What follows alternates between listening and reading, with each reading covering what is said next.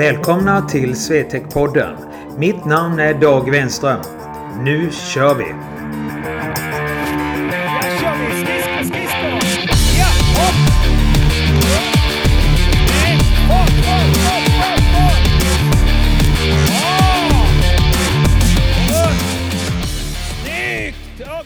Hej! Ni lyssnar på det 18 avsnittet utav Swetec-podden. Mitt namn är Dag Wenström. Hoppas att ni har det fantastiskt skönt här. Det är fredag. Eh, ja, helgen är på ingående. Hockeysäsongen börjar ta mot sitt slut och så vidare. Så att eh, det finns ju goda förutsättningar för framtiden om man säger så. Eh, dagens teman och lite vad vi kommer att samtala om på podden är lite olika delar. Vi kommer att prata lite om skridskoåkning. Vi kommer att prata lite om försäsongsträning. Och vi kommer att prata lite om angående lägena som Swetec har framför sig. Och eh, där som man kan liksom kanske planera lite så att man har en bra förutsättning inför nästkommande säsong. Och som jag sa, vi kommer också prata lite angående den viktigaste delen som vi egentligen har nu framför oss och som vi har tuggat flera gånger här på podden. Just den fysiska aktiviteten som ska då förbereda mig inför nästa säsong. Ja, nu kör vi tycker jag. Ja, vi har ett datum idag som är den 29 mars. Och det var några veckor sedan sist vi körde. Eh, det har ju hänt en hel del. Framförallt har jag ju varit väldigt aktiv när det gäller utvecklingen och ombyggnationen utav vår träningsanläggning här i Kristianstad, Öllsjö. Det har tagit väldigt mycket tid och därför så har jag hoppat lite när det gäller eh, poddinspelningarna då. Men jag hoppas att det ska bli lite bättre i alla fall. För att jag räknar med att få ut avsnitt var 14 dag ungefär. Så jag samla ihop lite tankar och idéer som jag har. Sen kanske ökar det då lite längre fram här när vi går in i försäsong och sommar. Så att eh, man kan informera lite grann. Det som jag tänkte ta upp, eh, börja med att ta upp nu, det är ju just när det gäller skridskoåkningen. Ja, vi har ju haft några läger här nu sen vi eh, sände förra avsnittet. Och vi har bland annat haft en backkamp och lite sådana bitar. Och eh, jag kan ju tycka, jag märker ju stora skillnader och variabler på spelarna jag träffar. Inte så mycket då givetvis de som jag jobbar ganska kontinuerligt med. Utan de som kanske kommer in och är nya, om man säger så, i SweTex verksamhet. Och man ser ju vilka brister de här spelarna har. Det, jag tycker att det är ganska stora brister. Och det skapar ju inte de bästa förutsättningarna varken för individen eller lagen. Och jag brukar tänka lite grann så här när jag möter de här ungdomarna. Eh, det är väl liksom hur har man tänkt sig att hockeyn ska bli rolig om jag inte försöker att skaffa verktygen? Ehm, jag hade ett läge här för 14 dagar sedan, ett backläge. Och flera utav de hockeyspelarna som var på det läget, de skulle iväg. De är väl bland annat iväg nu på någon sån här selektverksamhet. Och jag kan ju tycka liksom... Eh, om man, om man tycker liksom att, att det är viktigare än själva hockeyutvecklingen. Då, har, då tar man inte hockeyn på allvar. Eh, jag säger som jag brukar säga att jag förringar inte eh, de här select och kupper och sådana här bitar. Jag bara tycker liksom att de här personerna som jag tänker på de är ju där ideligen och jag tycker jag håller på och tar upp det här också väldigt ofta. Men mitt tips är nu, vi är i slutet på mars. Ni måste börja tänka på vilka verktyg ni stoppar in i verktygslådan. Och det är viktigt att ni tar tag i det idag. Ni kan inte vänta till imorgon utan ni måste börja i tidig ålder att stoppa in de här verktygen. Så att ni kan prestera när ni blir juniorer och seniorer.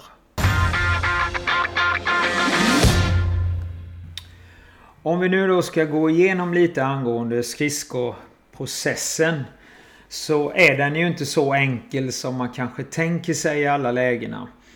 Eh, hockeytränare och så kallade skillscoacher många gånger eh, ska vi säga jobbar ju med en, en utlärning som bygger på grundförutsättningarna som man bland annat har via ishockeyförbundets utbildningskurser. Och det räcker ofta inte till. Man måste ha en större kunskap än så.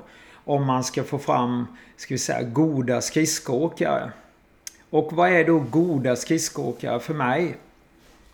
Ja, det är ju inte hur, hur snyggt det ser ut eller så här. Utan det är hur effektiv man är. Hur mycket kraft man får ut, hur mycket balans jag har och hur mycket energisnålheten är om jag uttrycker mig så. Så att jag inte drar på mig mjölksyra. Och det här är ju en kombination utav fysisk träning i funktion bland annat. Och det kommer jag tillbaka till och jag har ju dratt det flera vändor här på våran eh, podd angående den, hur viktig den fysiska träningen är. För att det är ändå den som skapar möjligheten för att få en teknikutveckling. Och, och det här är ju, tycker jag, det mest skrämmande att man inte 2019 ser det här. Utan man, man fortsätter enträget och, och känner att isen är absolut det viktigaste. Och, och isen är viktig men man måste hitta mer luckor off-ice. Och se att det är roligt med fysen. För jag tror att varför många lägger sin största energi på isen är att man tycker fysen är tråkig. Men fysen är ju skitrolig. Det säger ju alla mina adepter i alla fall. Så att någonting gör vi ju som är bättre då än det de får både på hemmaplan kanske eller med någon annan tränare som de har haft under vägen. Om man tittar rent biomekaniskt då i skridskoåkningen så vill ju inte höfterna göra kanske den här lite snett bakåt rotationen. Utan kroppen vill hellre göra en, en utväxling mer rakt åt sidan. Och det här har ju flera andra länder också tagit till sig. Bland annat ryska bandylandslaget har jag sett börjat jobba med det här också. Och det har ju funnits under flera år och jag har jobbat med det nu i tio år. Och det är att man följer då den biomekaniska rörelsedelen helt enkelt. Och jag förstår inte varför man ska göra om kroppens förutsättningar istället för att följa kroppens förutsättningar. Men då handlar det ju faktiskt om att de här som lär ut har då en biomekanisk och en väldigt bra eh, utbildning och eh, kunskap. Och det är väl ofta där då som det brister enormt mycket. Tittar man på en vanlig hockeytränare eller jag har tittat på några här som, som eh, kallar sig för power skating coacher till exempel. Så finns det... Ja, tittar man på deras CV har de ju ingen biomekanisk utbildning överhuvudtaget. Så att jag förstår liksom inte hur man kan lära ut då riktigt. Eh, jag förstår inte det riktigt. Det är ungefär som att jag ska... Ja, jag, jag har ingen bra jämförelse där men... Eh, ja, ni förstår själva att det finns ingen rim och fason i det här. Eh, man måste ha kunskap för att lära ut och ha lite goda verktyg också för att lära ut. Det, det är väldigt viktigt. Eh, man måste förstå också de olika delarna i frånskjutsprocessen också. Hur vi glider, hur vi tar kraften via de här tre skären. Hur man skiljer stor åkning med liten åkning till exempel.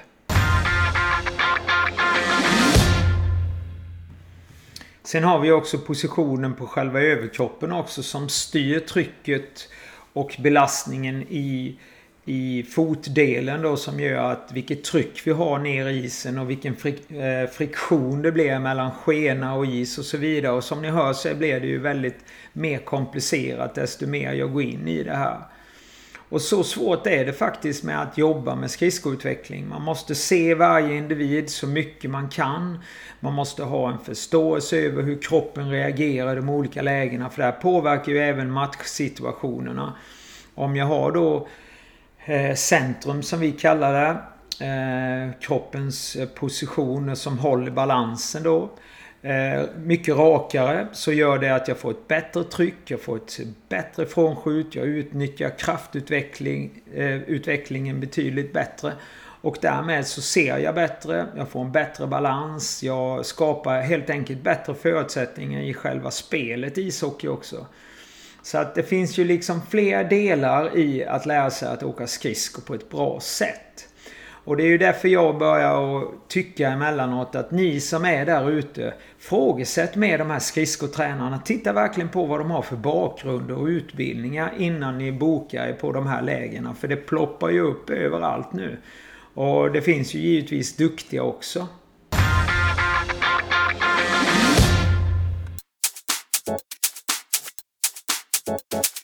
Lite information.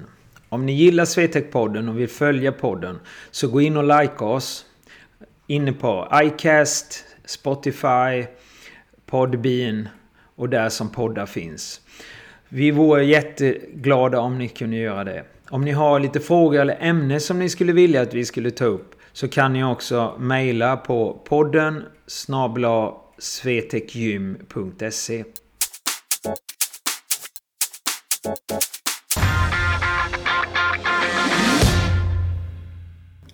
Ofta är man väl, tycker jag, väldigt duktig på att visa övningar och man tar sin kanske hockeykarriärs eh, kunskap in i bilden och det tycker jag är suveränt. Men det kanske inte är de här skridskotränarna eller skridskovisarna skulle jag vilja kalla dem. Som kanske ska pedagogiskt eller, eller visa eller lägga upp strategin helt enkelt för att man ska bli en bättre skridskoåkare. Utan här behöver man ha en som har kunskaperna i biomekaniken och eh, hur rörelsestrukturerna fungerar. Så att eh, där tycker jag ni måste bli noggrannare. För att ni har inte så mycket tid egentligen om ni ska få ihop liksom alla timmarna för utvecklingsmöjligheter så, så har man ju faktiskt inte så många månader, veckor, år på sig faktiskt. Om ni, om ni har en ambition till att bli en bra hockeyspelare. Men viktigt också att tänka på att skridskoåkningen är ju bara en del utav alla kunskaper man ska kunna. Men det är ju väldigt elementärt att vara bra på skridskorna i många syften. Både liksom vilken position man har och just att hockeyn idag utvecklas sig så snabbt. Den blir ju liksom snabbare och snabbare tycker jag för varje år. Men mitt tips till er är ju då att eh, kolla igenom vad de har för bakgrund och framförallt vad de har för utbildning. För att gå några hockeykurser och själv ha en meritlista som är gedigel är ju inte tillräckligt för att ofta lära ut. Utan det kräver ju faktiskt eh, medicinska bakgrund eller biomekaniska utbildningar för att man ska klara ut det hela helt enkelt. Ja, den sista delen som jag vill ta upp här med skridskoåkningen så, så är det väl Eh, just det här med frånskjutspositionerna. Vilken stor skillnad det kan göra både för framtiden och eh, just i själva nutid också givetvis oavsett ålder egentligen. Eh, det mest skrämmande som man ser ofta det är ju när man lägger ut, de lägger ut. Idag har vi ju sociala medier så vi kan ju se väldigt mycket. Även vi gör ju det emellanåt. Men man kan ju se de här positionerna, framförallt överkroppspositionen, att den ligger så långt fram. Att centrum ligger framför knäna. Och då brukar jag alltid säga till mina kollegor här på Swetec att jag de kan ju inte ha en biomekanisk eller någon annan anatomisk utbildning. Utan det är ju någonting bara som man har förts med om man uttrycker så. De förstår inte varför egentligen ryggen ska ligga eller överkroppen menar jag, ska ligga så långt fram. Eller ska den det? Nej, den ska ju inte det. Utan centrum ska ju helst ligga bakom knäna så att man får det här trycket ner i skenan då. Så blir det en friktion och så går det vidare i isen och så vidare. Så där är ju ofta en kuggsten om man säger så. Sen nästa del då, det är ju just det här med frånskjutsvinkeln. Och i samma veva när ni ser den här filmen med väldigt framåtlutad överkropp så ser ni också att de drar benet nästan snett bakåt. Och det gillar ju inte höften alls. Alltså det är ju inte alls vad höften vill.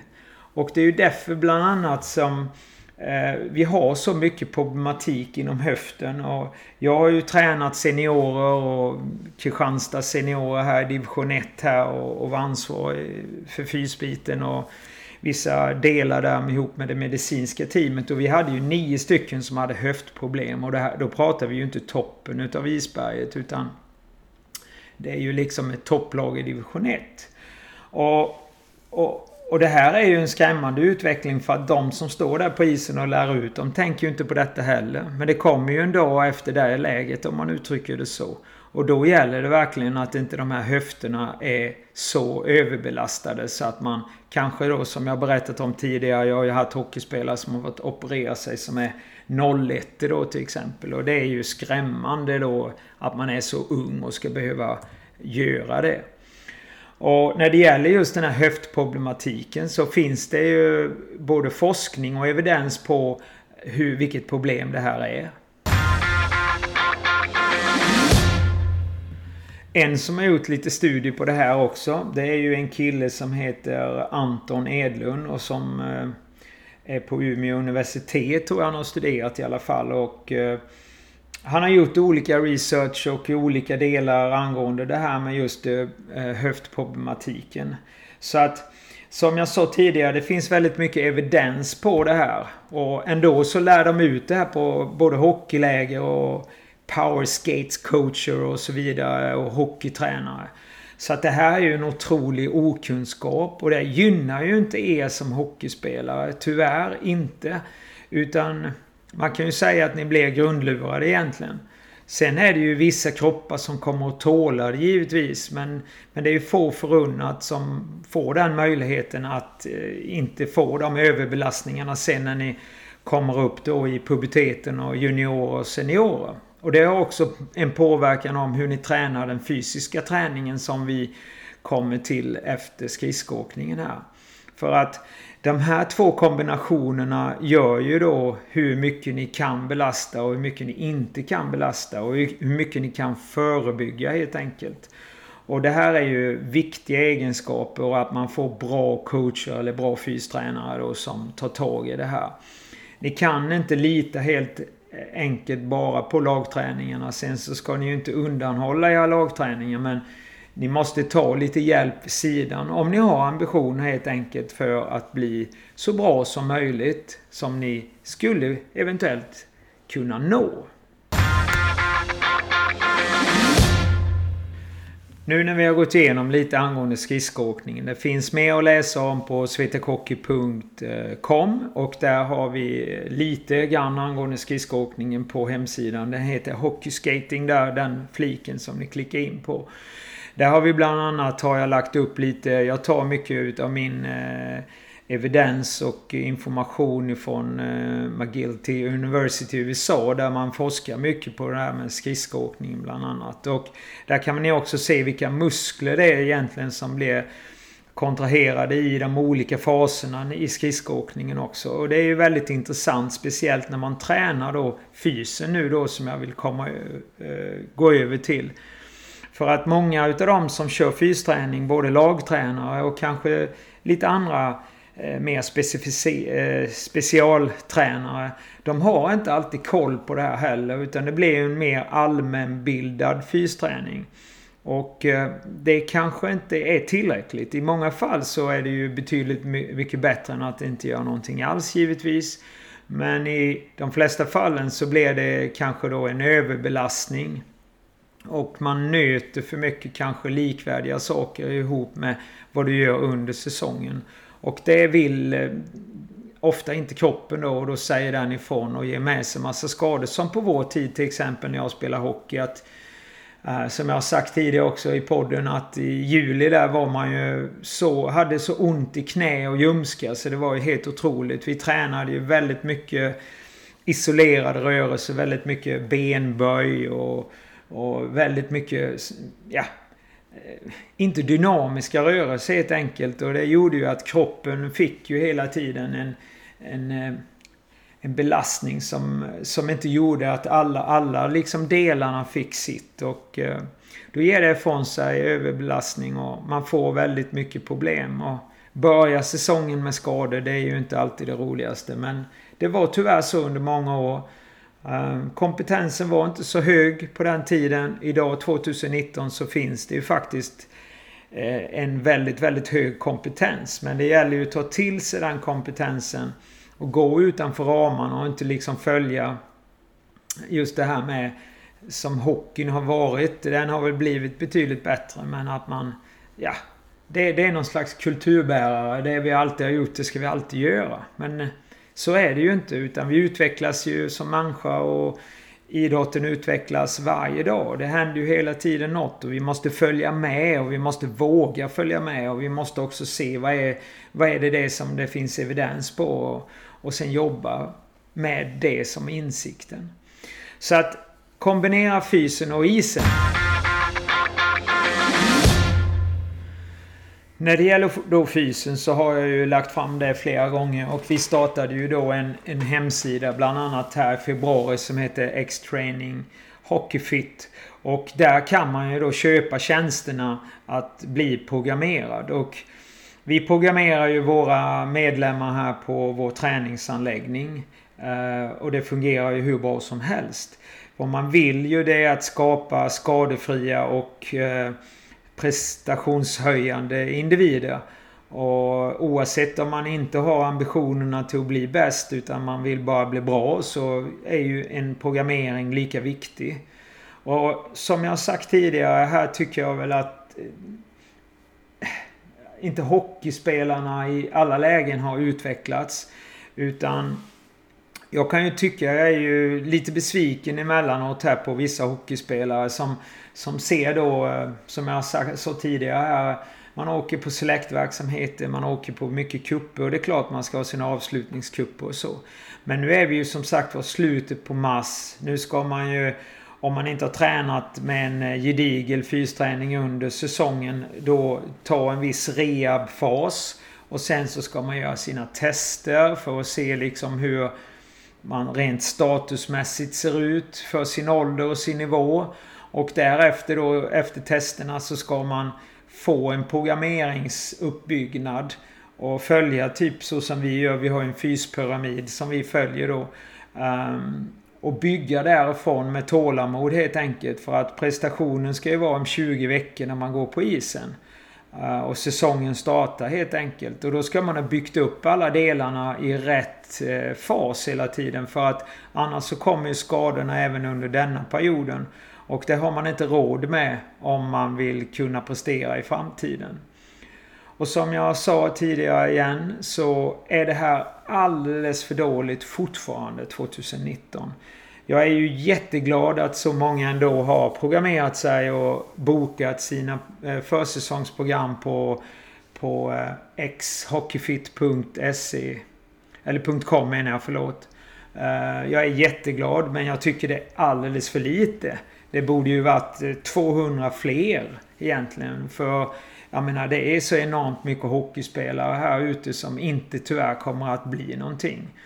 Utan eh, det beror ju i 90% då att de inte har de fysiska förutsättningarna. För vi kan inte prestera mer än vad vi har för fysiska förutsättningar. Så enkelt är det. Och ni kan inte trolla, det, det går inte.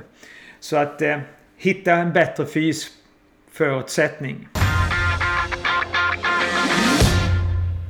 Så mitt tips till er nu det är att eh, om ni inte vill gå in och boka ert försäsongsprogram på eh, xhockeyfit.com så ta tag i någon eller kontakta oss så kan vi rekommendera någon i trakten och se.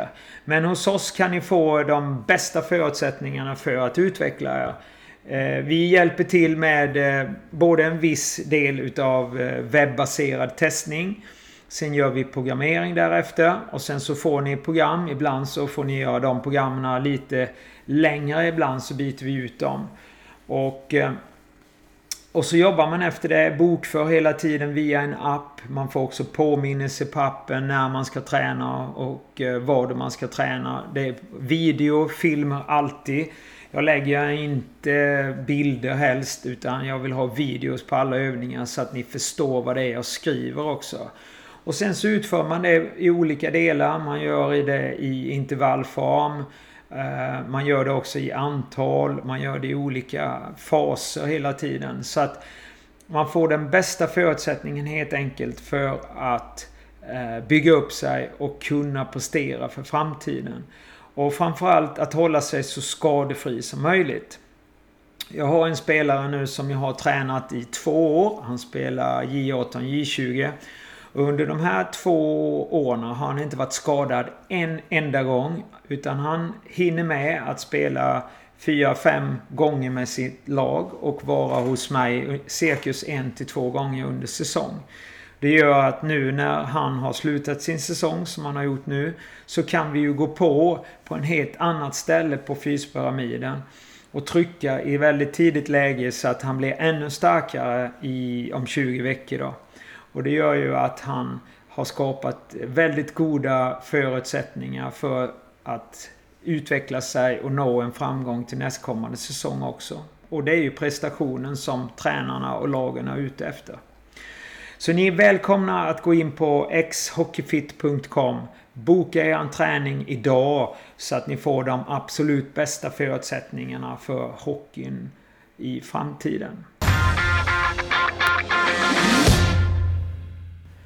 Ja, och vad händer nu då på svetekhockey.com och på X-training? Jo, det som ligger närmast eh, det är ju i helgen här, den sista helgen här. Alltså nu på söndag så har vi en skottkamp i Hässleholm. Och det är sista läget i Hässleholm för denna säsongen. Det finns någon plats kvar faktiskt. Så hör ni detta idag så kan ni ju gå in och boka idag och betala via Paypal så är ni med på söndag. Om inte annat så startar ju vår fysakademi den 13 april. Och där har ni ju vid fem tillfällen i uh, samma så är det april, maj, juni, juli och augusti. Där vi kör två dagar. Där vi har fystester varje gång. Och eh, de bedömer vi då, de fyspass, eh, fystesterna. Och sen så gör vi en programmering till det. Så det ingår då i XPSen om man inte vill liksom lägga ett annat program. Det här är ju optimala förutsättningar. Så att vi följer er under 20 veckor. Ni tar er hit till vår träningsanläggning i Kristianstad. Eh, två dagar under eh, eh april till augusti. Jag tror det är en dag ena gången för vi ska vara på is också där i början på juni. Men eh, gå in och boka det för att under åren har vi ju haft många. Jag hade ju, ja, eh, ska säga Sveriges bästa back 03 som fick Lillstrimmarpriset här i TV-pucken i höstas. Han var ju på backläget här för några dagar sedan. Han har jag varit mentor för i tre år och han var ju med på Fysakademin också här under några år. Och som sagt var, det är fler än han som har haft eh, otroliga framgångar. Så vänta inte utan gå in och boka Fysakademin så får ni ju den optimala förutsättningarna när det gäller fysen. Eh, sedan så är det bara klubbkamper som vi har resten av april. I maj sen så börjar ju Pay and Skate i Tyringe. Och det är tisdagar mellan 19.00 till 20.30. Där kommer vi ha mestadels är det ju skridskoutveckling och vi kommer också att ha en viss skillsutveckling när det gäller klubba puck givetvis. Eh, där är det få platser kvar men eh, om det är fullbokat när ni går in så sänd gärna ett mail så sätter vi upp er på lista eller så ökar vi upp kanske några platser. Lite beroende på hur många ledare vi får ihop till de här tisdagsträningarna.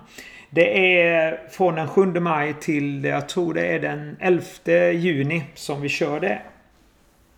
Sedan också så har vi ju eh, i maj, den 18 maj, så har vi X-Power Skate. Och eh, det är ju som sagt var ehm, en hockeydag där vi kommer att jobba mycket med just eh, kraftfullheten i skridskoåkningen. Det kommer att vara en hel del tips och videoanalyser angående er skridskoåkning och hur ni kan förbättra den. Och varför den ligger i maj det är för att vi vill att ni ska gå på isen där. Vi gör en li liten analys och sen så då så kan ni kombinera det med era fysträningsaktiviteter. Går ni då på hockey Eh, eller Fysakademin så har ni ju då är det ju inga problem. Men om ni inte skulle göra det så får ni ju lite program också eller tips rent ut sagt som ni kan använda er av eh, Eh, så att ni blir bättre skridskoåkare. Och det här är ju väldigt proffsigt och om man tänker också på vilka instruktörer som är där. Sedan eh, har vi den första helgen i juni. Eh, första och andra juni. Då har vi en skott och eh, skatekamp. Och då är det ju som så att vi har delat upp det så halva kampen kommer att vara skridskoåkning och halva kampen kommer att vara skott. Och där använder vi skottmaskiner bland annat som vi även gör den här helgen. Just för att utveckla snabbheten i skottet och precisionen i skottet kombinerad med positionen på skridskorna. Och att göra det här i, tillsammans, det kan ju vara ganska häftigt. Därför, där finns det också platser kvar och det är en tvådagars kamp. Sedan så avslutas ju Pay and Skate den 11 juni. Och sen så börjar ju vår Sommar Academy i vecka 28. Där har vi ju sexdagarsläget som är Skate och Skills. Där ni får allting. Där har ni 12 timmars dagar i sex dagar och en vilodag. Det är från den 6 juli till den 13 juli. Det finns några platser kvar idag. Eh, den 29 mars. Men det är inte många biljetter kvar. Så gå in och boka nu så ni får den bästa sommarläget ni kan få. Är ni då lite äldre och kanske vill ha en kombination fys och is? Ja, då rekommenderar vi Elite Intensitive Academy som går då från den 7 till den 10 juli. Eh, där är ju lite för lite äldre spelare och seniorer. Och den är ju en bland de tuffaste utmaningarna vi har. Eh, där kombinerar vi fys och is. Och det är mycket skridskor och fys. Och vi har även is på fys. Och under åren så har det ju varit eh, väldigt tuffa eh, dagar. Den här läget har vi gjort om lite till i år. Den är ju en dag mindre för att vi har märkt oavsett om man är landslagsspelare eller annan eh, kategori utav spelare så har man inte helt enkelt pallat trycket. Så att vi vill verkligen att man ska klara av och inte bli så kolossalt nedkörd som många har blivit under dem. Så det är fyra dagar i år. Sen har man också Power Skate som är från den 10 juli till den 13 juli. Det är för alla åldrar där. Och det är ju mitt tips. Om ni går då typ Elite Intensity så kan ni hoppa på då de sista dagarna på Power Skate. Och den är helt inriktad bara på skridskoåkning under fyra dagar. Så fyra dagars skridskoträning. Eh, det är en, eh, ett fyspass bara om dagen. De andra har ju betydligt mycket mer fys. Men här är inriktningen på is. Är, man kan säga att det är 90% is då och skridskoteknikutveckling på den sista. Så har ni inte bokat den, gå in och boka den. För där finns det platser kvar. Det är inte lika mycket som det är på de andra än. Det är lite vad Swetec har framför sig. Och det är en gedigel, eh, gedigna månader som ni har som ni kan boka upp. Och gör det idag så att ni verkligen får den bästa förutsättningen inför nästa säsong. Det här var dagens avsnitt utav Swetec-podden och jag hoppas ni får en fantastisk fredag och en god helg. Och eh, jag hoppas att vi syns snart på antingen här på vår träningsanläggning eller på isen eh, med Swetec antingen då i Hässleholm eller i Tyringe. Ha en bra helg. Vi hörs. Killevik! Där kör vi! Skridsko, skridsko! Ja, hopp! Runt! Snyggt! Fart, fart, fart, fart, fart! Bra! Och runt! Snyggt! Raka!